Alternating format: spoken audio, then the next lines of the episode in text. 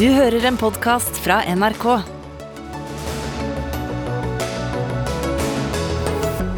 I går kom en immunolog med gladnyheten om at for de fleste er pandemien over. Det er det nok ikke, svarer en annen immunolog. Regjeringen utelukket lettelser i smitteverntiltak fram til 14.1. Dermed kan den ha brutt smittevernloven, mener SV. Men det har regjeringen ikke, ifølge den selv. Den forrige regjeringen satset stort på realfag. Alle elevene skulle bli flinkere. Nå er rapporten klar. Verken resultatene eller motivasjonen ble bedre. Og fyrverkeri er små penisforlengere som bør forbys, mener Unge Venstre. Veldig spesielt og illiberalt, svarer Fremskrittspartiets Ungdom. Ja, vel møtt til dagens Dagsnytt 18 på NRK P2 og NRK1. Jeg heter Sigrid Solund. Den ene smitterekorden tar over for den andre, og i går ble det satt dagsrekord med nesten 8000 registrerte smittetilfeller. Det er stadig skjenkestopp, hjemmekontor og digital undervisning. Men i går slo du fast i Dagsrevyen at for de fleste er pandemien over, Gunnveig Grøddeland. Du er forsker innen vaksineutvikling og immunologi ved Universitetet i Oslo. Så hvorfor feirer vi ikke? Ja, nei, det er litt for tidlig å feire. Uh, og Det som jeg tenker er egentlig viktig med den påstanden, er at risikoen forbundet med smitte er for godt vaksinerte nå uh, under kontroll. For Når vi ser rundt oss eh, på nedstengte teater og utesteder, så virker det jo ikke som om pandemien er over. Så hva legger du i det?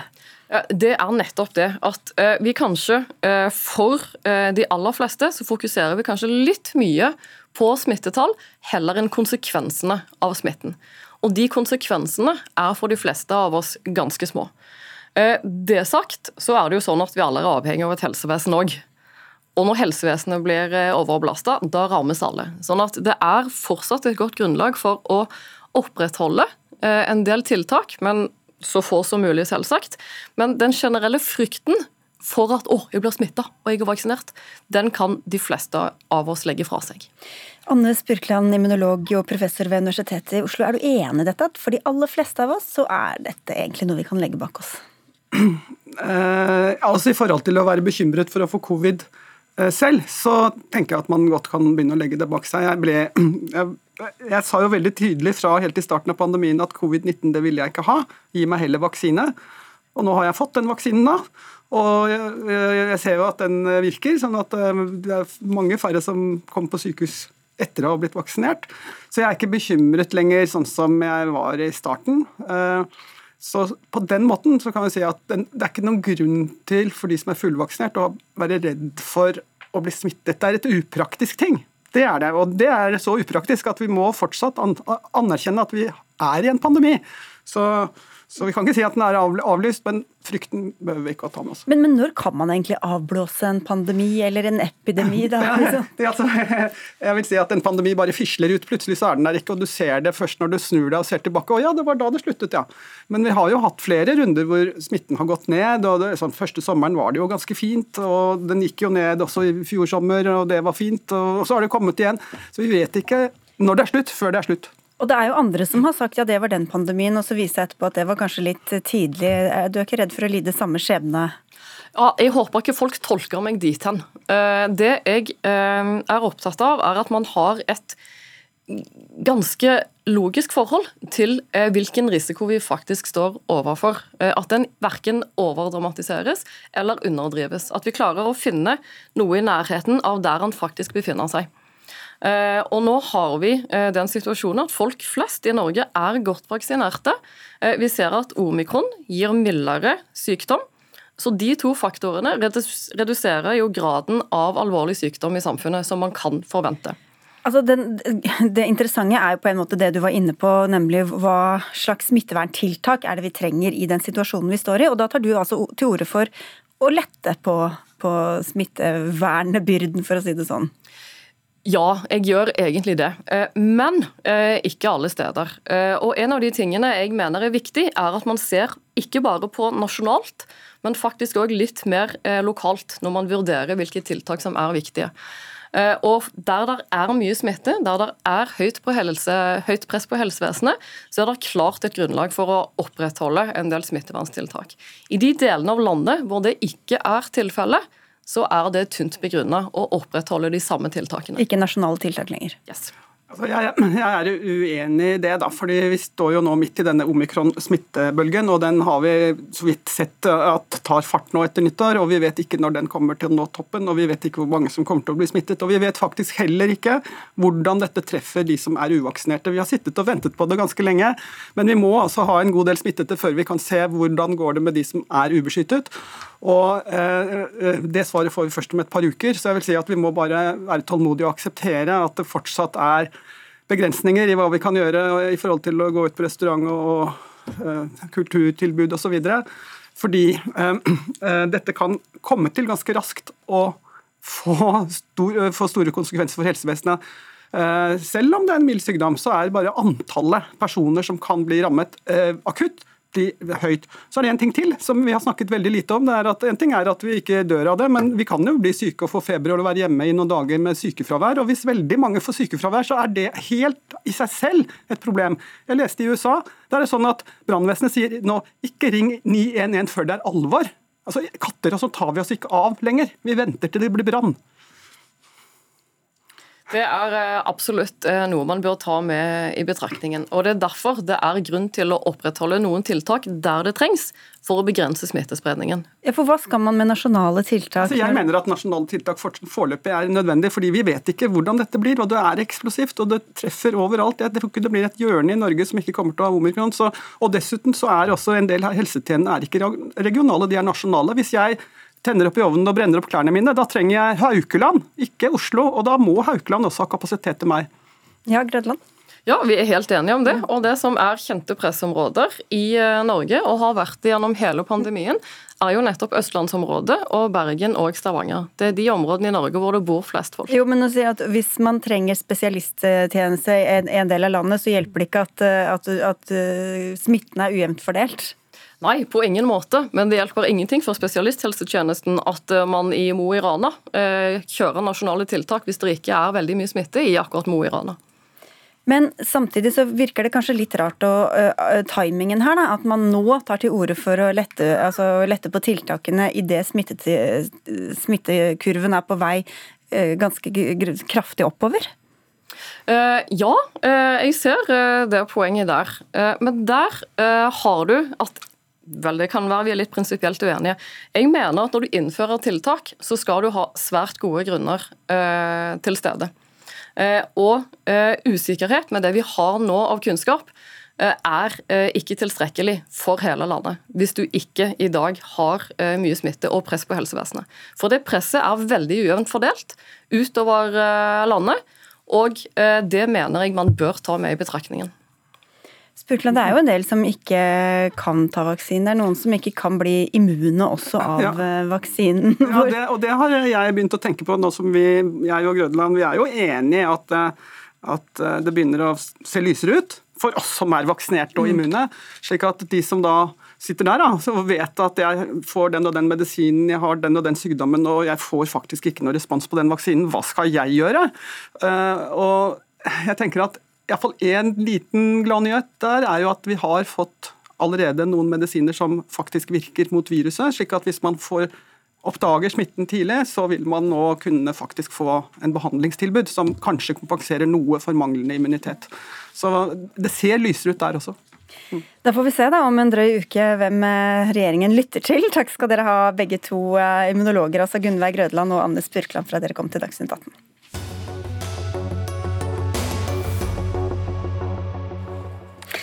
Resultatene uteble, motivasjonen steg heller ikke. Det er dommen over Solberg-regjeringens ekstrasatsing på realfag, kjent som realfagstrategien.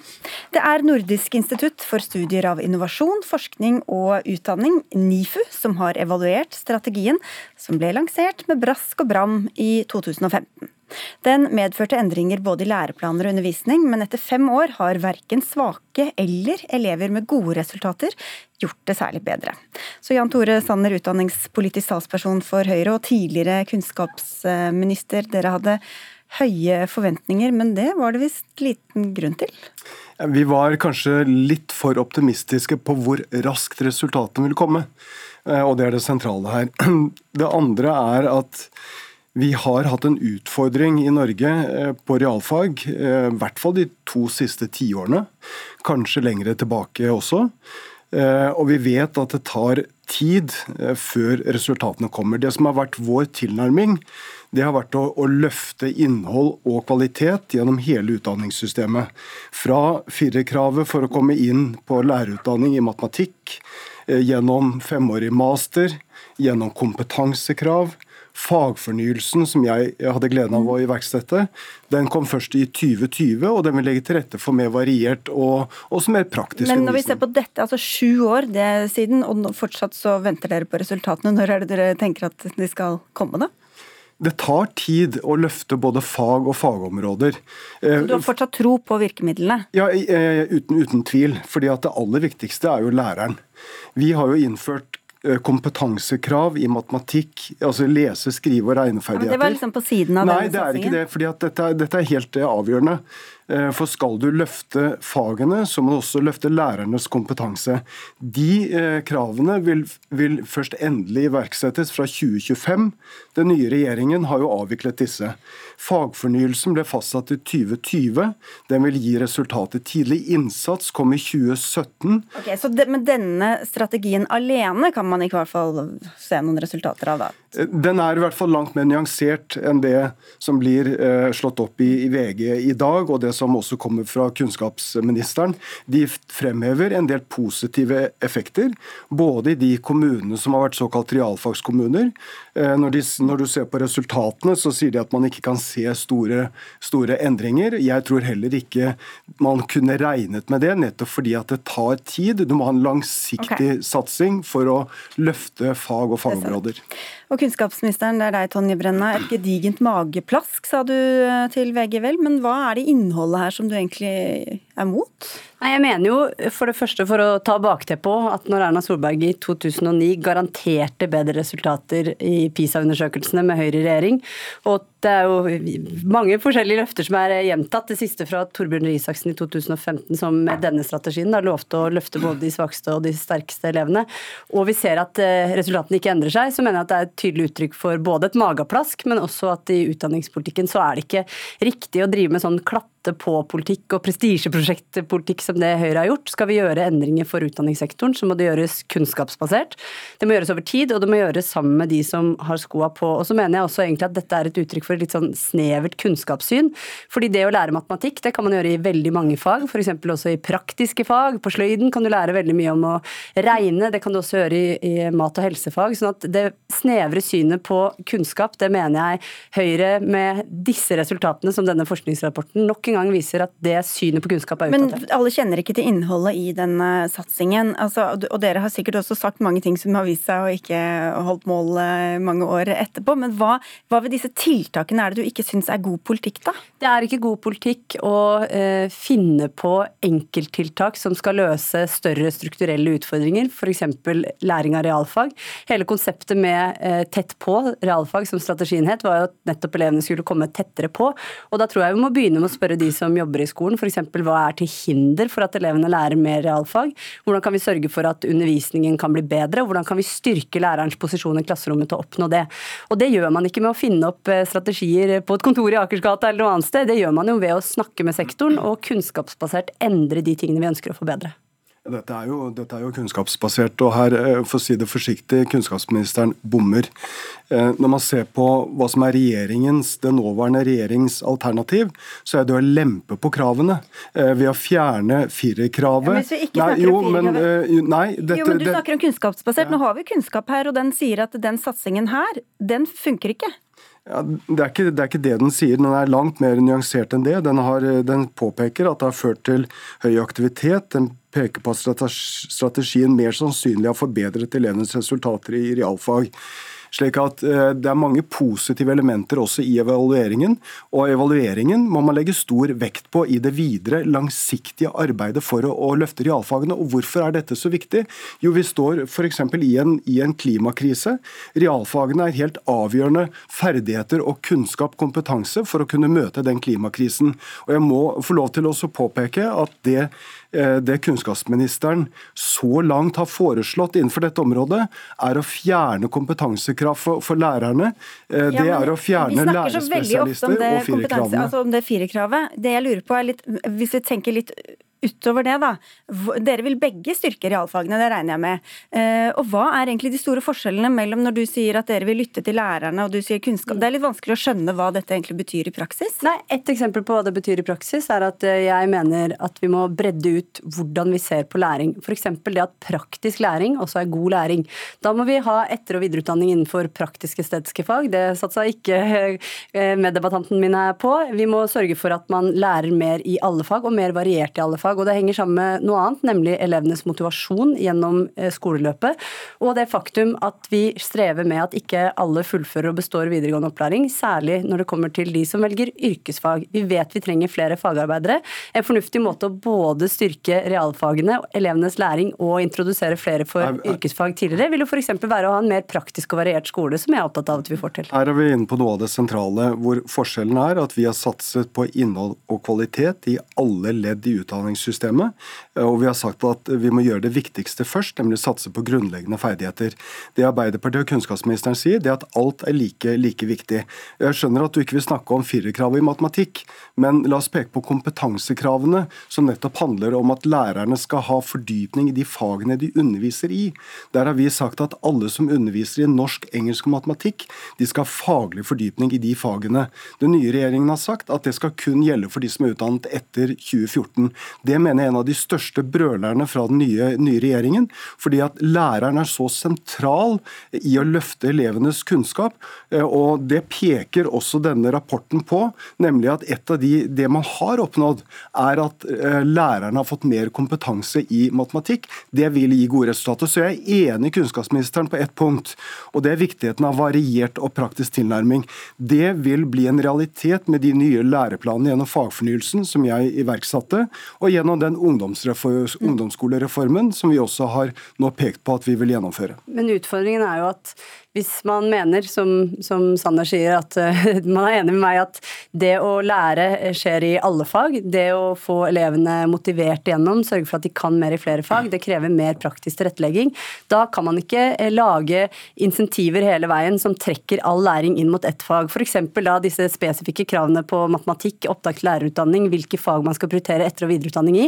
Da må man anerkjenne at læreren som står i klasserommet, vet sjøl hva hun eller han har behov for påfyll i, og at alle de fagene man kan fylle på med eh, etterutdanning på, de er verdifulle.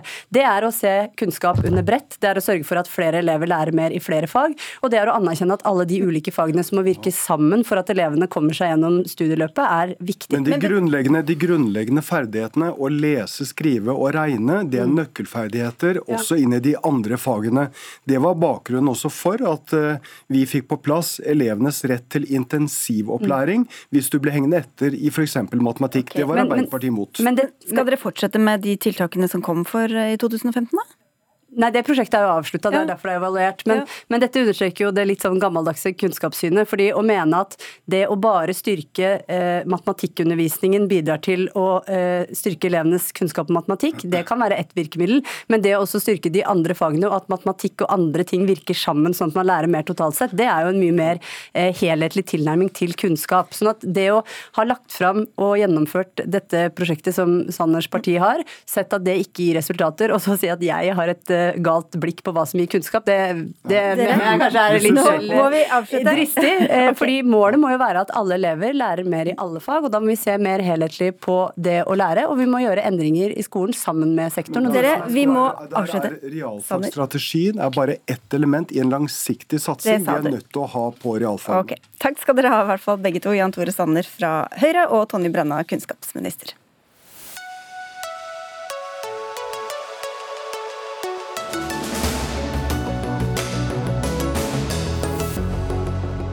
Nøyaktig ett år etter stormingen av Kongressen i USA gikk eh, president Joe Biden i dag på talerstolen og kritiserte forgjengeren Donald Trump for hans eh, såkalte nettverk av løgner. Biden mener Trump har et stort ansvar for det som skjedde da en voldelig mobb stormet et av de sterkeste symbolene på demokratiet, nemlig kongressbygningen. Fem mennesker mistet livet, en av dem var en politimann som voktet bygningen. Og du står rett utenfor der det skjedde, Tove Bjørgaas, korrespondent i Washington DC. Hva var det Biden la vekt på i talen sin? Han la vekt på spesielt å, å, kritisere Trump veldig hardt for det som skjedde her i fjor. Og det viktigste han kanskje sa, syns jeg, var at han sa at de løgnene som drev de som kom hit til kongressbygningen, også tok seg inn i, i, opp trappene og inn gjennom vinduene bak meg her, de løgnene de lever fortsatt i beste velgående i USA. De får fortsatt uh, kraft av Trump og de, og hans, eh, de som står ham eh, nær. Og, og, og Jeg har sjelden hørt Biden kritisere Trump i, i, så direkte ordelag. Her var det ikke noe forsøk på å samle USA. Han sa også at uh, å kalle dem som stormet Kongressen for patrioter, slik uh, mange på republikansk side har gjort det siste året, det er helt feil. Lars Os, også USA-korrespondent. Du skulle egentlig vært på Donald Trumps eh, planlagte pressekonferanse i dag, men den ble avlyst. Men han har allerede svart Biden. Hva er det han har sagt? Ja, Han uh, sier jo òg det at uh, det som Joe Biden har sagt i dag, det er splittende for landet. Og at den store big lie som han bruker hele tida, det er at valget var størende fra han. Så Donald Trump han står jo fortsatt helt på sitt. Du Tove Bjørgaas, hvordan markerer USA ellers det som skjedde for et år siden? Ja, Her i kongressbygningen så er det en rekke ting som skal skje i dag. Det har allerede vært et Eh, et minutts stillhet. Så skal mange av politikerne fortelle om minnene sine fra i fjor. Det er jo veldig Mange som, mange av dem var jo livsfare. Mange ble evakuert ut i hui og hast. Og så skal det utover ettermiddagen være en rekke markeringer rundt bygningen her. Og jeg har ulike grupperinger på, på begge sider i politikken. Og jeg har også snakket med flere av dem som støtter de som stormet Kongressen i fjor. Og de skal ha markeringer utenfor en del av fengslene, der det nå sitter mer enn 700 mennesker fengsla som deltok i, i stormingen retningen. Så, så, så, dette er et land som også markerer denne dagen med, med splittelse. Sofie Høgestøl, førsteamanuensis i rettsvitenskap. Eh, vanskelig å svare kort på det, men hvordan har dette preget eh, USA og det amerikanske folket nå gjennom det siste året? Man tenkte jo kanskje på disse sider i fjor at man ville finne en eller annen forsoning. At det republikanske partiet ville distansere seg fra Trump og ville slutte å spre denne konspirasjonsteorien. Det er ikke det som har skjedd. Man ser heller at det republikanske partiet har virkelig blitt Trumps parti. Han har et veldig sterkt grep om partiet. Og Det betyr jo at eh, den splittelsen den ser man veldig tydelig i måten som blir sagt her, måten dette blir dekket på. Noen mener at dette var en gjeng med litt overivrige demonstranter som så å si var som turister inne på Kongressen, og andre mener jo at dette er terrorangrep, det vi så i fjor. Eh, og, og, og, det preger nok hverdagen i det at eh, USA virker veldig splittet om hva som egentlig har skjedd. Lars Os, eh, hvorfor tror du at, at Trump fortsatt står så sterkt hos republikanerne? Det, det, det, er nok flere ting som, uh, som, spiller inn her, men uh, jeg var ute i Funkstown, en liten by uh, en time nordafor Washington DC i går, og fikk prate en del med både Trump-supportere, men også folk som generelt er veldig negative til, til myndighetene. Og så har de politikerforakt fordi at de mener at de lyver hele tida og hjelper ikke den vanlige mannen i gata, de folkene som sliter hele tida med å jobbe eller å få jobb. Eh, så det, det, er tydelig at eh, det er da de folka på høyresida som føler kanskje at de ikke får det de vil i samfunnet, eh, de hører mer på Donald Trump f.eks. enn det vi finner på venstresida. Men det er fortsatt veldig mange av amerikanerne et flertall av republikanere i USA i dag de tror fortsatt at valget var Støren, og det står de veldig eh, inne for. Så talen fra Joe Biden i dag eh, har jeg ingen tro på kommer til å overbevise i alle fall de personene som er veldig tydelig på at uh, det her var et støren valg uh, ifra Donald Trump. Hva er det Høgestøl, uh, som har skjedd siden det har kommet så altså Disse fortellingene har fastnet så veldig ulikt da, i de ulike deler av befolkninga der? Det er jo vanskelig å si, men det er jo disse ekkokamrene som befolkningen befinner seg i, i form av at man har litt forskjellige medierealiteter. Jeg prøvde å se på eh, de forskjellige nettsidene, hvordan de dekket eh, denne, dette ettårsjubileet. Hvis du går på New York Times og Washington Post, mainstream media som man kaller det, så ser du at det har vært toppsaken hele dagen, og det er masse diskusjon om hvor trygt står det det amerikanske demokratiet et år etter noe sånt. Eh, og så har, du vært, så har jeg vært på litt andre typer nettsteder, da, høyresiden nettsteder. og Der har det knapt ikke vært dekket, og så har det kommet litt dekning nå på slutten av dagen. Og Hvis du bare leser de nettsidene der, eller bare eh, konsumerer den type medier, så, så har du et helt annet blikk på, på, hva som skjedde eh, i fjor. Eh, men det var jo litt det Biden prøvde å gjøre i talen sin. Han prøvde å si til folk husk tilbake på hva du tenkte når du så dette på TV. For det er kanskje det de har prøvd å appellere til i dag, er at dette så dere live på TV. Dere vet egentlig hva som skjedde her. Men jeg er nok enig i Lars at jeg er usikker på hvor mange dette når som ikke tror på det allerede. Ja, og nettopp New York Times eh, Tove Bjørgaas, hadde, hadde, en lederartikkel eh, denne uka som eh, hadde som tittel at hver dag er 6. januar nå. Hva ligger i det? Ja, I det ligger det noe veldig skremmende. og det er at Rundt omkring i dette landet så utøves det vold eh, nå, eh, ofte. Eh, som er politisk motivert. Det er valgfunksjonærer rundt omkring, folk som har telt opp stemmer om og om igjen, som har blitt drapstruet, som, som blir sjikanert på sosiale medier, som har måttet skaffe seg hemmelig telefonnummer og flytte. Eh, det avisen eh, sikter til, er at, at det som skjedde her for et år siden, det, det, det skjer i, i, liten skala rundt omkring i landet fordi man er så splitta, og at det er en fare for, for demokratiet i USA når man ikke klarer å samle seg om en gang fortellingen om, om hvor farlig det er når, når, en voldelig mobb stormer nasjonalforsamlingen i landet ditt. Eh, og, og, hvordan skal USA komme videre nå? Eh, og det avisen og mange andre peker på, er jo at da må politikerne på begge sider forsøke å samarbeide om å lage en historie som folket kan tro på her. Og det er det som er så veldig veldig vanskelig. Så Derfor så er det mange som er urolige for det som venter, ikke minst i dette året, som er, altså er et, et valgår. Det er valg til Kongressen i november. Vi hørte jo litt om hvordan republikanske partiet har håndtert dette, Høgestøl, men hvordan har det preget demokratene? Det sies jo at det vi kanskje glemmer fort, er at Kongressen er jo arbeidsplassen til de folkevalgte kongressmedlemmene. Eh, og De sier jo at det har forsurnet det arbeidsmiljøet veldig, hvor mange av demokratene føler seg truet på, eller har følt seg truet på jobb og usikker på jobb som følge av stormingen, og også føler seg personlig såret over at deres kolleger på andre siden av fløyen ikke engang vil anerkjenne hva som skjedde for et år siden. Ehm, det demokratiske partiet har jo prøvd å, eh, å, å, å få til en agenda rundt Biden, for det, det er jo starten på ny presidentperiode for de. Men det har vært vanskelig å få til siste året, og de er jo en litt vanskelig situasjon nå, hvor det er et mellomvalg som kommer i november. De ligger ikke nødvendigvis an til å vinne det valget. Det kan godt være at republikanerne vinner tilbake kontrollen av deler av Kongressen. og Da har de en ganske kort tidsperiode nå på å få gjennomført de viktigste sakene sine, men de krangler internt og får ikke gjort det. Og så hørte vi at det er veldig uenighet om fortellingen om hva som skjedde for ett år siden. Det er nedsatt en eh, kommisjon som skal finne ut hva som skjedde. Hva er status der? Status er at de også skjønner at de har dårlig tid. For hvis republikanerne styrer Kongressen til høsten, så er det ikke sikkert at de får fortsette med det arbeidet. Eh, så de, ganske, de, prøver å jobbe ganske intenst nå, men det som er problemet deres, er at de gjerne de har jo lyst til å snakke med folk rundt Trump. Eh, og mange av de, hans støttespillere vil ikke snakke med denne komiteen. Så det har begynt å bli rettsprosesser knyttet til det.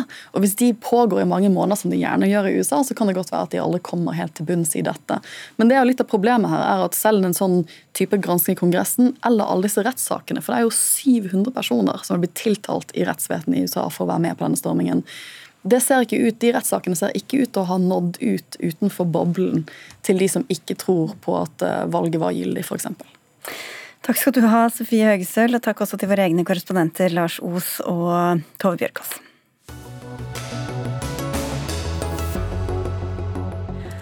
For en knapp uke siden gikk vi inn i det nye året med et smell, eller snarere mange smell. Nyttårsaften ble som vanlig feiret med sprakende og bråkete fyrverkeri. Eller små penisforlengere, som du kaller det, Anne Breivik, leder Unge Venstre. Ja, det er jo slik at fyr, fyrverkeri er i alle fall for, Privat fyrverkeri er forbudt til vanlig, men vi tillater det i et uh, bestemt tidsrom mellom klokka 18 og klokka 2 natt til 1. januar. Til enhver tid, hver eneste time i året forutenom dette intervallet, så er det forbudt for privatpersoner å detonere mindre eksplosiver, som fyrverkeri jo er. Hva har det med penisforlenger å gjøre? Eh, man kan jo stille spørsmål ved det retoriske grepet jeg brukte akkurat der. Det er jo nærleggende å si at uh, kanskje antydet at eh, det å kjøpe opp fyrverkeri har samme effekt som å kjøpe en rå motorsykkel. Eh, men det er kanskje en annen debatt. Men nå vil altså et liberalistisk ungdomsparti, som ellers er opptatt av å avskaffe forbud eh, og ha mest mulig frihet, dere vil altså forby fyrverkeri. Hvordan henger det sammen? Som liberaler så er jeg opptatt av at forbud og inngripener overfor enkeltmennesket at det skal være godt begrunnet. Og I dag så er det slik at vi allerede har et forbud mot privat fyrverkeri. Det vi nå snakker om er unntaket mot forbudet, som jo gjelder i løpet av åtte timer natt til 1. januar. Og jeg synes jo at det forbudet vi allerede har, at det er godt begrunnet. fordi det er slik at de reglene om, uh, som jo angår dette forbudet og unntaksbestemmelsen, det er hjemlet i en forskrift om eksplosjonsfarlige stoffer. Vi snakker altså om små eksplosiver som er brannfarlige, som kan medføre skade hos dyr, hos mennesker, eh, på miljø og på materielle ting, og som i tillegg medfører uro og stress for enkelte personer. Jeg sa liberalistisk, men liberal og liberalistisk er jo litt forskjellige ting. Men Andreas Simon Brennstrøm, leder i Fremskrittspartiets Ungdom, hvor liberalt da mener dere at dette forslaget er?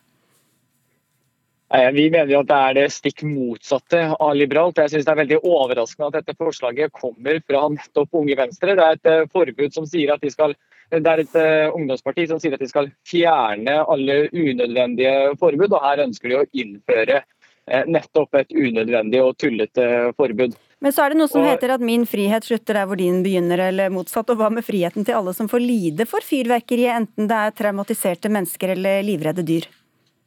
Ja, Der syns jeg Unge Venstre er eh, inne på noe som de sier. Det er forbudt med fyrverkeri alle dager i året, bortsett fra åtte timer på nyttårsaften mellom klokken 18 og 02. Og Det mener jeg vi kan tåle. For veldig mange så er eh, fyrverkeri selve høydepunktet på nyttårsfeiringen. Man går inn i det nye året med eh, fint lysshow på himmelen, for å si det sånn. Og så må vi også huske på at Hvis man innfører et forbud mot fyrverkeri, så tror jeg det kan få veldig mange uønskede konsekvenser. For så kan det føre til at mange drar over grensen til Sverige og smugler inn fyrverkeri. Eh, og det blir ikke mer lovlig å skyte opp fyrverkeri fordi man har kjøpt i et annet land? Eh, nei, eh, og det er litt av poenget. fordi Eh, det er ingen som sier at fyrverkeri er ufarlig. Man er nødt til å bruke vernebriller, ta hensyn og de nødvendige forholdsreglene. Men jeg tror det kan være enda farligere med fyrverkeri dersom det er forbudt. Og Det ser vi jo f.eks. på fotballkamper. Der er det forbudt med fyrverkeri. Likevel er det veldig mange som eh, smugler det inn og fyrer det av selv om det til og med er kroppsvisitering på, på, fotballkamper. Så jeg tror at å innføre et forbud det kan få veldig mange uønskede konsekvenser. og Det er også et argument som Unge Venstre selv bruker i mange andre tilfeller. Breivik. De sier f.eks. at Ja, vi kan høre Breivik på den. Ja. Ja, nei, sånn som Andreas nevner, så er det forbudt alle av årets dager, foruten dette lille tidsrommet natt til 1. januar. Og jeg ser ikke absolutt hvorfor det at dette er natten før det nye året, skal gjøre det mer forsvarlig å detonere mindre eksplosiver. Vi har sett mange øyeskader, bl.a. som følge av årets nyttårsfeiring, eller fjorårets, skal man si. Eh, og Eh, antallet øyeskader det har gått ned. Eh, og Det er positivt. og Det at det medfører øyeskade alene, syns jeg ikke er nok til å begrunne et forbud. fordi det er masse som har skadepotensial overfor mennesker som ikke alene er grunn nok til å forby det. Men det er jo pga. de belastningene som fyrverkeri utgjør for det ytre, for det rundt, enten det er dyr, enten det er mennesker, enten det er bygninger, enten det er natur, som gjør at vi mener at friheten til å skjermes for dette er mer verneverdig enn friheten Andreas har til å detonere eksplosiver på nyttårsaften. Men Brennstrøm, hvis det er så stas med fyrverkeri, hvorfor ikke tillate det hele året, da? Jeg synes det er eh, greit. Det holder med én dag i eh, året. Eh, og det kan man sikkert diskutere. Jeg tror ikke det ville blitt fyrverkeri hver eneste kveld hvis man hadde fjerna forbudet de andre dagene heller. Men det tror jeg ikke er, er nødvendig. Jeg tror fyrverkeri er noe folk flest forbinder med nyttårsfeiringen. Men, så er det en fersk undersøkelse jeg skal bare høre med deg om noe, en fersk undersøkelse fra Norstat betalt av NITO som viser at 64 av nordmenn nå er helt enig eller noe enig i at fyrverkeri bør forbys. Hvorfor lytter dere ikke til folk flest? Vi vet også at eh, fem millioner mennesker går ut eh, på nyttårsaften og ser på fyrverkeriet. Så det er jo noe veldig mange har glede av. Og de som faktisk bruker fyrverkeri mest, det er eh, barnefamilier. Eh, og jeg tror veldig mange barn gleder seg til å se på fyrverkeriet på, på nyttårsfeiringen. Det syns det Unge Venstre foreslår, er at det kun skal være fyrverkeri på torvet. Men det er ikke alle som bor i nærheten av Rådhusplassen i Oslo. For veldig mange så har man ikke annet fyrverkeri enn fyrverkeri man kjøper selv. Mm. Men så er det, også sånn vi, vi nærmer oss slutten. skjønner Nei, Jeg kan ikke forby at man er mot, skjønner det er dere enige om. Men uh, helt på tampen med det siste her, Breivik. Det vi foreslår, er at vi skal slutte å tillate privatpersoner å skyte opp fyrverkeri natt ja, men da blir det jo, Hvis du bor ute på bygda, så blir det jo lite offentlig fyrverkeri, antagelig. Jeg vet ikke om kommunene tar ansvar for dette selv. og det, det, kan jo finnes mange forskjellige måter å regulere dette på også. Enten med å kreve pyroteknikerbevis, det gjør de i Australia f.eks. Eller sånn som Irland, så til og med tillater man bare for én form for fyrverkeri, og det er da stjerneskudd F1-varianten. At man bruker det. Eller så kan vi drive med lasershow og droneshow. Det er så mye gøy. Ok, Det får bli neste runde. Takk skal dere ha begge to. Anne Breivik, leder i Unge Venstre, og Andreas Bredstrøm, leder i Fremskrittspartiets Ungdom. Hun har forsvart private barnehager mot kritikk om velferdsprofitering og store overskudd, men for to dager siden sluttet Anne Limbo som direktør i Private barnehagers landsforbund. Og til Klassekampen i dag så sier du at du er bekymra for mangfoldet blant de private barnehagene, Anne Limbo. Hva er det ved utviklingen som bekymrer deg? I dag så har vi et eh, finansieringssystem eh, som gjør at det er utrolig store forskjeller i tilskudd fra kommune til kommune. Og så har vi også eh, hatt en tradisjon i å kutte flatt. Det gjør at enkeltstående barnehager i kommuner med lave tilskudd, de eh, driver veldig eh, vanskelig. De går med underskudd. Og hvis vi ikke tar noen tydelige politiske grep, så kommer de til å forsvinne. Det vil jo gjøre at vi mister det fantastiske mangfoldet vi har i dag med både små, store og ideelle og eh, andre type aktører. Men du har sittet her og forsvart alle de private barnehagene, også de som har tjent mye og tatt ut store overskudd. Har du inni deg vært litt enig i kritikken mot dem, eller? Absolutt ikke, og jeg mener at den sektoren vi har i dag er fin. Eh, vi trenger både små og store eh, aktører. Eh, store aktører har også bidratt med profesjonalisering og mangfold, men det betyr ikke at, vi, at, det, at det hensiktsmessig at vi om 10-20 år kanskje ender opp med en eh, barnehagesektor med bare store aktører. Og det kommer vi faktisk til å gjøre hvis vi ikke tar noen uh, tydelige grep. For som sagt, veldig mange enkeltstående sliter med økonomien. Det er også et generasjonsskifte. Mange enkeltstående kommer snart til å selge, og da er det bare store aktører som har finansielle muskler til å ta over. Og da kommer det til å bli ytterligere konsolidering, og det er uheldig. Men bør man kunne tjene så mye som helst på å drive med barnehage? Nei, det mener jeg ikke. Og det er også grunnen til at jeg uh, har eh, ment at man kan f.eks. definere et rimelig årsresultat. Uh, det skal være helt greit å tjene penger på private barnehager, men det skal selvfølgelig være på et rimelig nivå og ha politisk legitimitet. Og det er også viktig å understreke at der ligger det i dag, altså. Det er ingen, ingen store overskudd i sektoren når det gjelder driften. Det er ved kjøp og salg at det eventuelt oppstår store gevinster. Men hva slags ytterligere reguleringer er det du ønsker deg, da? Jeg ønsker meg eh, reguleringer i forhold til at eh, vi kanskje må se på markedsstørrelser, f.eks. Eh, jeg brenner veldig for at kvinnelige gründere, eh, kvinnelige barnehagelærere f.eks., mannlige for den saks skyld, skal få lov til å starte barnehage hvis de ønsker det i sin hjemkommune. I dag er det helt umulig, for at du må kjøpe opp en eksisterende barnehage, og da kommer de ikke i salgsposisjon eller kjøpsposisjon i, i dag, for de ikke har nok finansielle muskler. Så gjøre noe med det. Eh, regulere markedsstørrelser. Kanskje altså at man ikke skal få lov å eie så, ja, så mye, eller ja. så, så store mm. ja. At vi får en stopp, en brems av konsolideringen, uh, som gjør at vi ivaretar uh, den fine uh, mangfoldsstrukturen vi har i dag. Du omfavnes av Rødt i Klassekampen i dag, som hevder at dette er en delvis innrømmelse av at sektoren er blitt mer kommersialisert. Hva svarer du til det?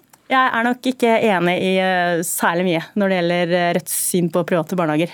Jeg mener at det er fint med private barnehager, og at det må være lov å tjene penger på barnehage, men det skal være på et selvfølgelig legitimt nivå. Og igjen, det at jeg går ut nå, det er ikke fordi at jeg mener at vi ikke har en godt fungerende sektor i dag, men jeg er bekymret som sagt for hvordan den kommer til å se ut om 10-20 år, og ønsker meg enda mer fokus på enkeltstående og kvinnelige gründere, og også ideelle barnehager som i mange tilfeller sliter i dag. Da var vi ikke helt enige likevel.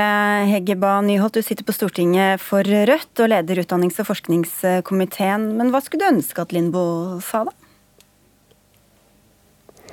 Nei, jeg hører at eh, Anne Lindboe har behov for å legge litt avstander mellom Rødt og og, og, seg selv, men vi deler jo den samme bekymringa knytta til at eh, mangfoldet i barnehagesektoren trues av de store kommersielle kjedene. Og For Rødt så er det viktig at eh, vi ikke skal tillate at kommersielle kjeder, eh, enkeltpersoner, kan ta ut profitt fra fellesskapets midler. Sånn at det er utrolig viktig at vi nå faktisk får lagt litt press på å få de store kommersielle Eh, kjedene ut av barnehagesektoren, eh, og satt en stopper for muligheten til å hente ut profitt fra vår felles velferd. Men tillate noen private barnehager, eller? Altså Rødt er for eh, private barnehager så lenge de drives ideelt og ikke kommersielt. og Det er en stor forskjell, og det er viktig å understreke. Eh, men som også Anne Lindboe er inne på, så er det sånn at de små eh, ideelle barnehagene blir spist opp av de store kommersielle kjedene. Og Det truer mangfoldet, og det gjør også noe med hele den demokratiske kontrollen over sektoren. Og Det er rett og slett kjempeviktig at vi gjenvinner. Eh, og at det norske samfunnet har kontroll over barnehagesektoren. Og at vi ikke f.eks. er på vei eh, den veien vi er på vei nå, med at ca. 10% av alle norske barnehagebarn går nå i barnehager som er eid av et svensk eiendomsfirma. Vi har invitert Høyre, som ikke ønsket å være med i Dagsnytt 18 om denne saken. Men nå er det jo uansett ditt parti som sitter ved roret, Elise Bjørnebekk-Vågen. Du er stortingsrepresentant for Arbeiderpartiet, og sitter også i utdannings- og forskningskomiteen. I Hurdalsplattformen så er regjeringa tydelig på at kommersielle aktører i barnevernet skal fases ut. Hvorfor sier dere ikke det samme for barnehagene? Vi vet jo det at halvparten av norske barnehagebarn går i private barnehager. Og det er sånn at Med barnehageforliket som kom for en god del år tilbake, så åpna vi for private barnehager og private barnehager, det skal vi ha. Men når det er sagt, så er regelverket utdatert som det er i dag. Det regelverket som er nå, er ikke egnet for å hindre at man tar ut eh, utbytte eller har gevinstrealisering som går i lommeboka til private. Og det er ikke med på å skape legitimitet i den sektoren. Så det vi er opptatt av, er å stramme inn regelverket for å sikre at de pengene som går til private, nettopp går til barnas beste og er med å heve kvaliteten. Så har vi et stort hjerte for de ideelle, for vi vet at de barnehagene som sliter ekstra økonomisk, og som ikke har de store utbyttene eller har det ekstra å rutte med, det er ofte de enkeltstående og det er de ideelle. Så vi vil legge om regelverket også for å kunne styrke dem. Ja, hvordan skal dere legge om regelverket? Nei, det er jo det at Vi nettopp må se på finansieringa. Det arbeidet er vi i gang med nå i regjering. og Vi kommer til å fremme en lovproposisjon i løpet av våren. Men Det handler f.eks. om hvordan tilskuddsordningen er lagt opp. og Det er f.eks. mulig å legge et høyere grunntilskudd til grunn. Nyholt? Ja, eh, men nå er det nylig publisert en forskningsrapport som viser at Norge har en pallplassering i forhold til å tillate kommersielle barnehager inn i barnehagesektoren. De andre nordiske landene åpna ikke opp for, i samme grad som i Norge, at de kommersielle barnehagene kunne være en del av barnehageforliket. Eh, og Det er en pallplassering vi ikke trenger å være stolt av. Rødt ønsker også private, ideelle barnehager eh, i den norske barnehagefloraen, men det haster å få gjort noe med dagens situasjon. Det haster å få eh, de kommersielle aktørene ut av markedet, fordi at mens vi sitter her og snakker, så går penger fra fellesskapet inn i lommene på private aktører. Og det selges barnehager, f.eks. Barnehager som er bygd opp på eh, billige eller gratis kommunale tomter og finansiert med gunstige lån fra mm. husbanklånene. Eh, sånn at det haster å få gjort noe med det. Og jeg forventer jo at Arbeiderpartiet også eh, rett og slett speeder opp det arbeidet i tida framover nå. Du skal få svare fra Berbjørn. Jeg skal, jeg skal høre fra Anne Limbo, du har jo slutta i jobben, men det henger vel fortsatt litt til. Hvordan, hvordan er det å skille mellom de eh, rent ideelle, jeg vet ikke hva som er hva, hvordan det defineres, og andre små aktører? Altså Det som er viktig, er jo at vi har gode barnehager. Og eierskap er egentlig ikke så, så vesentlig. Men det er klart at mangfoldet eh, som vi har i dag, med alle disse forskjellige typer, både kommunale, ideelle, store og små eh, aksjeselskap, det gir gode barnehager. Og vi har faktisk en, en pallplassering å være skikkelig stolt av. Eh, norske barnehager er de barnehagene i Norden som foreldrene er mest fornøyd med. Vi slår disse alle andre landene i Norden ned i, i støvlene, men da må vi ivareta den modellen. Og min bekymring det er jo ikke sånn at de store spiser opp de små. Altså, problemet her er jo at vi har en finansieringsordning som faktisk gjør at en god del små barnehager ikke klarer seg. Det må vi gjøre noe med. Vi må legge til rette for at de har tilskudd som gjør at de kan leve. Mm. Og så må vi gjøre noe med videre kjøp og salg, sånn at det ikke blir en ytterligere konsolidering. Det mener jeg er uheldig, og så må vi legge til rette for kvinnelige gründere. Det brenner jeg for. Men Bjørnebekk Vågen, hvorfor skal i det hele tatt barnehager, store eller små, få kunne ta tjene penger på, på driften sin? Altså, Vår felles velferdstjeneste skal ikke være et sted hvor man kan tjene seg søkerik. Her er vi helt enig. Men dette handler om hvordan vi regulerer og hvilke krav vi stiller til de pengene som vi gir. Det er faktisk sånn at Private barnehager mottar 26 milliarder kroner, enten i til, nei, offentlig tilskudd eller foreldrebetaling. Og De kravene som vi setter til, til de pengene, det er jo nettopp det som er med å avgjøre om det er mulig å drive gevinstrealisering, det å drive og ta ut mye penger. Og nettopp her så kommer vi til å levere noe i løpet av kort tid, nettopp for å sørge for at pengene går til barna, går til å heve kvaliteten og sørge for at vi har gode barnehager rundt om i hele landet, uavhengig om det er private, ideelle eller offentlige. Men Hva ligger i det, Nyholt, at man skal bare ha ideelt, altså man skal kunne, ikke kunne investere, eller hvordan er det dere ser for dere det her? Nei, Det handler jo ikke om at man ikke skal kunne spare opp til å kjøpe et klatrestativ eller, eller eh, ja, pusse opp, men det handler om at man ikke skal kunne ta ut profitt. Eh, og jeg, på lik linje med Lindboe, er jo stolt over det arbeidet som gjøres i norske barnehager i dag. Det gjøres en enorm innsats i norske barnehager hver dag, og i enda større grad under pandemien enn tidligere. Det skal vi overhodet ikke være i tvil om. Men for Rødt så er det viktig at penger bevilga til norsk velferd skal gå til barnas beste og til de ansatte, og ikke i private eiers lommer. Men hvorfor er du så sikker på at det, det, det pallplass. Ja, men hvorfor tror, er du så sikker på at det skjer bedre i det offentlige enn for en ung gründer eksempel, som ønsker å starte en barnehage? Men en ung gründer som ikke tar ut Eller gammel gründer, for det eh, egen profitt, kan jo starte en ja kan jo, kan jo starte en barnehage. altså Hvis man har eh, idealistiske, pedagogiske årsaker til at man eh, ønsker å starte en barnehage, og det i tillegg er behov, så er det jo ikke det som er problemet. Problemet er jo hvis man gjør det for å kunne ta ut profitt. Mm. Ok, eh, Veldig kort til slutt, der, Limbo. Vi trenger gründerne, både store og små. Eh, og eh, private barnehager sparer samfunnet for flere milliarder kroner i samfunnet, med minst like god kvalitet. Men vi må legge til rette for mangfoldet, og her er det en god del å gjøre med dagens finansieringssystem og regulering. Og det gleder jeg meg til å se ja. at Arbeiderpartiet og kanskje også Rødt er med på å rydde opp i framover. Ja, nå kommer det i hvert fall saker og ting, og til dem som lurer på, på det, så kan vi si at vi har snakket med styrelederen i, i PBL, altså din tidligere arbeidsgiver Per Eirik Huseby, som i all hovedsak sier han han støtter din frykt for mindre mangfold, hvis noen uh, savnet den stemmen. Så takk skal dere ha alle tre, altså tidligere direktør i Private Barnehagers Landsforbund Anne Lindboe, og Hege Bae Nyholt fra Rødt, og Elise Bjørnebekk Vågen fra Arbeiderpartiet.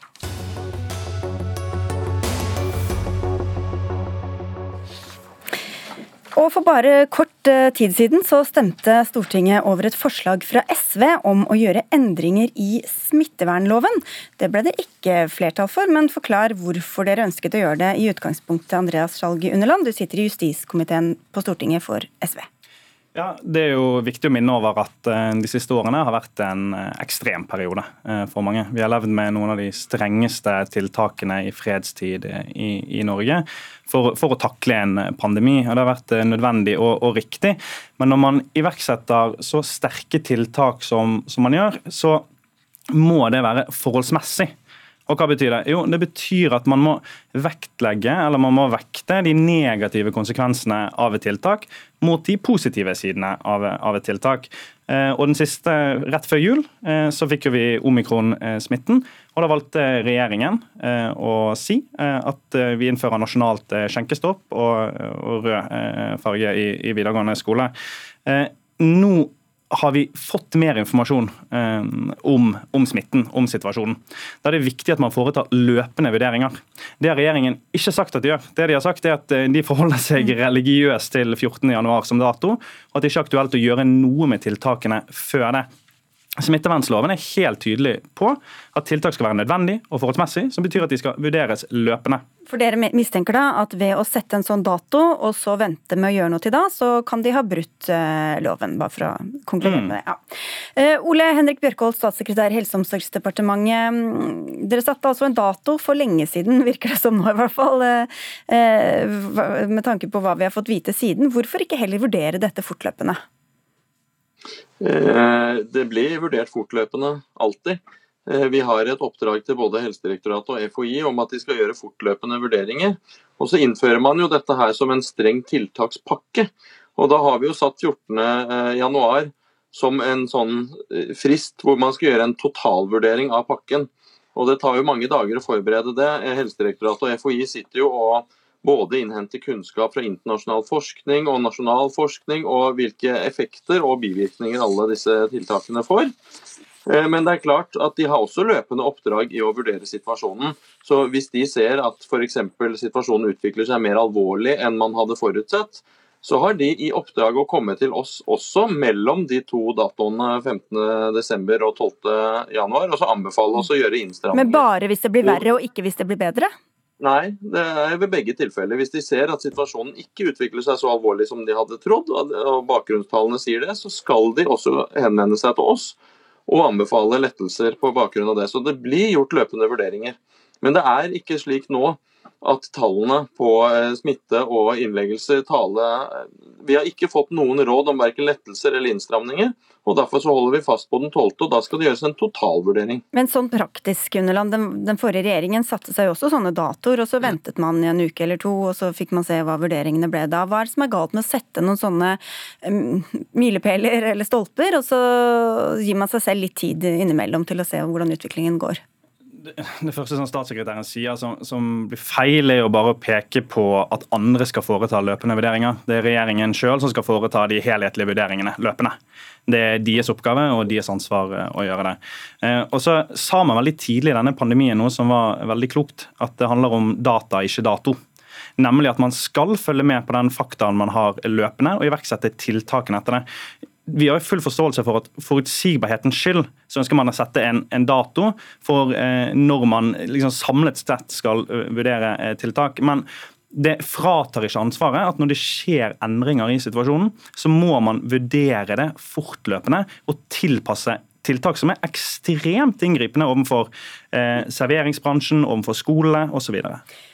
Du skal få svare, Bjørkholt, men dette er jo et juridisk spørsmål når det handler om smittevernloven. Anna Nylund, du er jusprofessor ved Universitetet i Bergen. Mener du at det er juridisk problematisk å sette en dato mange uker fram i tid når man skal eh, vurdere, for når man skal vurdere tiltak på nytt? Ja, det syns jeg, og særlig i denne situasjonen. For dels så uh, har vi fått litt dårlige og svake begrunnelser for hvorfor akkurat disse tiltakene, både enkeltvis og totalt, uh, er riktige, eller var riktige i den situasjonen som vi var i uh, tidlig i desember i fjor. Og Det andre er at på det tidspunktet så visste vi veldig lite om omikron, og nå vet vi mye mer om det, og da er det enklere å argumentere og vurdere om ulike tiltak er riktige og forholdsmessige og nødvendige. Vi har vært i kontakt med flere jurister i dag som ikke konkluderer helt klart på om dette er et brudd på loven, smittevernloven eller ikke, men som heller i litt ulike retninger. Hva vil du si, mener du det er et brudd på smittevernloven? Så jeg synes Det er veldig problematisk fra et demokratisk perspektiv og rettsstatsperspektiv at det ble innført um, såpass inngripende tiltak med svake begrunnelser i desember, og at man så satt en frist så langt frem i tid og ikke har vært villig til å vurdere alternativer i mellomtida. Bjørkholt. Ja, Vi mener at det ikke var svakt begrunnet. Vi mener tvert imot at det var eh, veldig god begrunnelse fra våre etater. og De har også gjort eh, de forholdsmessighetsvurderingene satt opp mot medisinskfaglige vurderinger. Eh, og det, det, har regjeringen i stor grad lagt til grunn. Og etatene har løpende oppdrag å vurdere bl.a. den løpende utviklingen av kunnskap om omikron. Eh, og Det vil eh, bli lagt til grunn nå. Vi har ikke fått råd fra etatene om å iverksette innstramninger eller lettelser enda. Så eh, Foreløpig så er det 12.1. Men søker man på begrunnelser for endringer i covid-19-forskriften på regjeringen.no, så får man opp 32 artikler. Den siste er fra april 2020. Det er jo ganske lenge siden. Hvorfor har ikke dere offentliggjort noen begrunnelser? Nei, Begrunnelsene jo i, er jo offentliggjort fra etatene. og Det er jo regjeringens begrunnelse, det er jo våre etater. Jo, men Dere gjør jo dere gjør deres egne selvstendige øh, beslutninger som også kan gå på tvers av det de faglige rådene sier? Det, som regel så følger vi de rådene vi får, og da legger vi også forholdsmessighetsvurderingen deres eh, til grunn. I de tilfeller vi vurderer det annerledes, så vil andre forholdsmessighetsbegrunnelser legges til grunn. Du må huske på at vi har jo, i motsetning til den forrige regjeringen, så har vi gjort alle disse inngripende tiltakene ved hjelp av kongelige resolusjoner i henhold til koronakommisjonens anbefalinger, og de er offentlig tilgjengelige dokumenter. Underland. Jeg skal få inn Underland på det. Ja, altså, det, det, er jo heller ikke riktig at regjeringen kun, eh, kun følger smittevernfaglige råd. Altså, Rødt nivå i videregående skole var, var ikke anbefalt. Likevel valgte regjeringen å, å, innføre det. og Når det kommer til nasjonal skjenkestopp, som rammer eh, serveringsbransjen hardt, så er det også egentlig tynt, tynt begrunnet. Men det, dette handler jo om åpenhet. Og, og Den forrige regjeringen ble presset av Stortinget til å legge frem begrunnelsene sine kontinuerlig etter hvert som de ble foretatt. Denne regjeringen har selv aktivt valgt å ikke legge det ut åpent på regjeringen sine sider. Det gjør det vanskeligere å føre kontroll eh, både fra juridisk hold, fra Stortingets kontrollfunksjon. og Dette er noe regjeringen velger å gjøre. og er rimelig problematisk i et demokratisk perspektiv at de har lagt seg på den linjen. Får Nylund på det også, Eh, ja, jeg er helt enig med at de burde legge dem ut. Og så er det at I denne runden så var begrunnelsene fra Folkehelseinstituttet og Helsedirektoratet også mye knappere enn de har vært i flere uh, tidligere omganger. Altså at beslutningsgrunnlaget var dårligere enn for flere av de uh, andre rundene med tiltak som vi har hatt.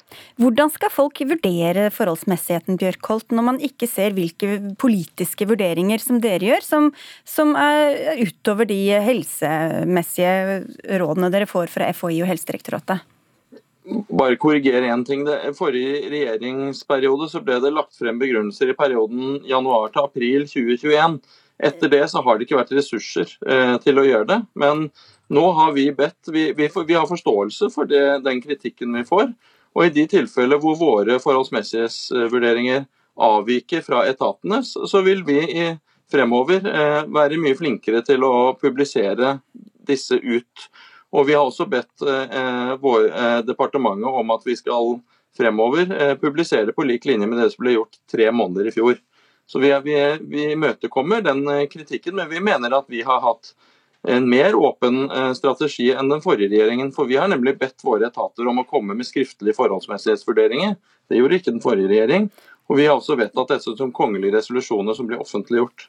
Den, den forrige regjeringen er ikke her, så vi kan jo la den få hvile i fred. Men, men dere Underland, dere vil altså ha en slags løpende offentliggjøring? Altså, her er det jo ting som skjer veldig fort. Det er lange samtaler utover natta, og så skal man komme med en eller annen velbegrunnet, velformulert uh, offentliggjøring av begrunnelsen dagen etter, eller hva er det dere ser for dere? Ja, eh, Man bør komme med begrunnelsene så raskt som overhodet mulig. og Det handler om at det er ekstreme tiltak eh, vi innfører. og Det er også en tiltakstretthet i befolkningen. Og Hvis, skal, hvis folk skal kunne ha tillit til de vurderingene som blir fattet, så skaper man tillit gjennom åpenhet. Eh, jeg er glad for at eh, statssekretæren på vegne av regjeringen nå tar selvkritikk på den praksisen de har lagt seg på, og kommer til å endre den i fremtiden, men det skulle jo bare mangle. Og Vi har jo fremmet flere forslag på Stortinget om at Stortinget nettopp skal ha en større kontroll på, eh, på de smittetiltakene som blir innført, og rett og slett etterkontrollere de med vedtak i Stortinget. Det har man gjort med krisepakkene. Stortinget har vist at vi er fleksible, vi kan handle raskt. Eh, og det handler i bunn og grunn om åpenhet og kontroll. Nå sitter ikke du på Stortinget, Bjørkholt, men ditt parti stemte det jo også ned der, da. Hva tenker du på nå? Nei, Disse endringene som SV foreslo. Eh, ja, altså, eh, vi har, altså Smittevernloven er jo en, en, lov der man har delegert myndighet til utøvende makt. og uh, det er Av og til så er det nødvendig å handle veldig fort. og Midten av desember 2021 var et sånt tilfelle. Vi hadde verdens største utbrudd eh, utenfor Sør-Afrika i Norge. og det var Modelleringer fra FHI tilsa en helt kritisk situasjon med opptil flere hundre tusen syke om dagen eh, i midten av januar. og det er klart Under de forutsetninger så måtte det handles raskt. Ok, da... dere, jeg Beklager, jeg må bryte av, fordi eh, vi har ikke mer sendetid. Så vi må si tusen takk til dere alle tre. Andreas Skjalg Gunneland fra SV, Ole Henrik Bjørkholt, statssekretær fra Arbeiderpartiet, og Anna Nylund, professor. Anne Katrine Førli, Hanne Lunås og jeg, Sigrid Solund, takk for følget.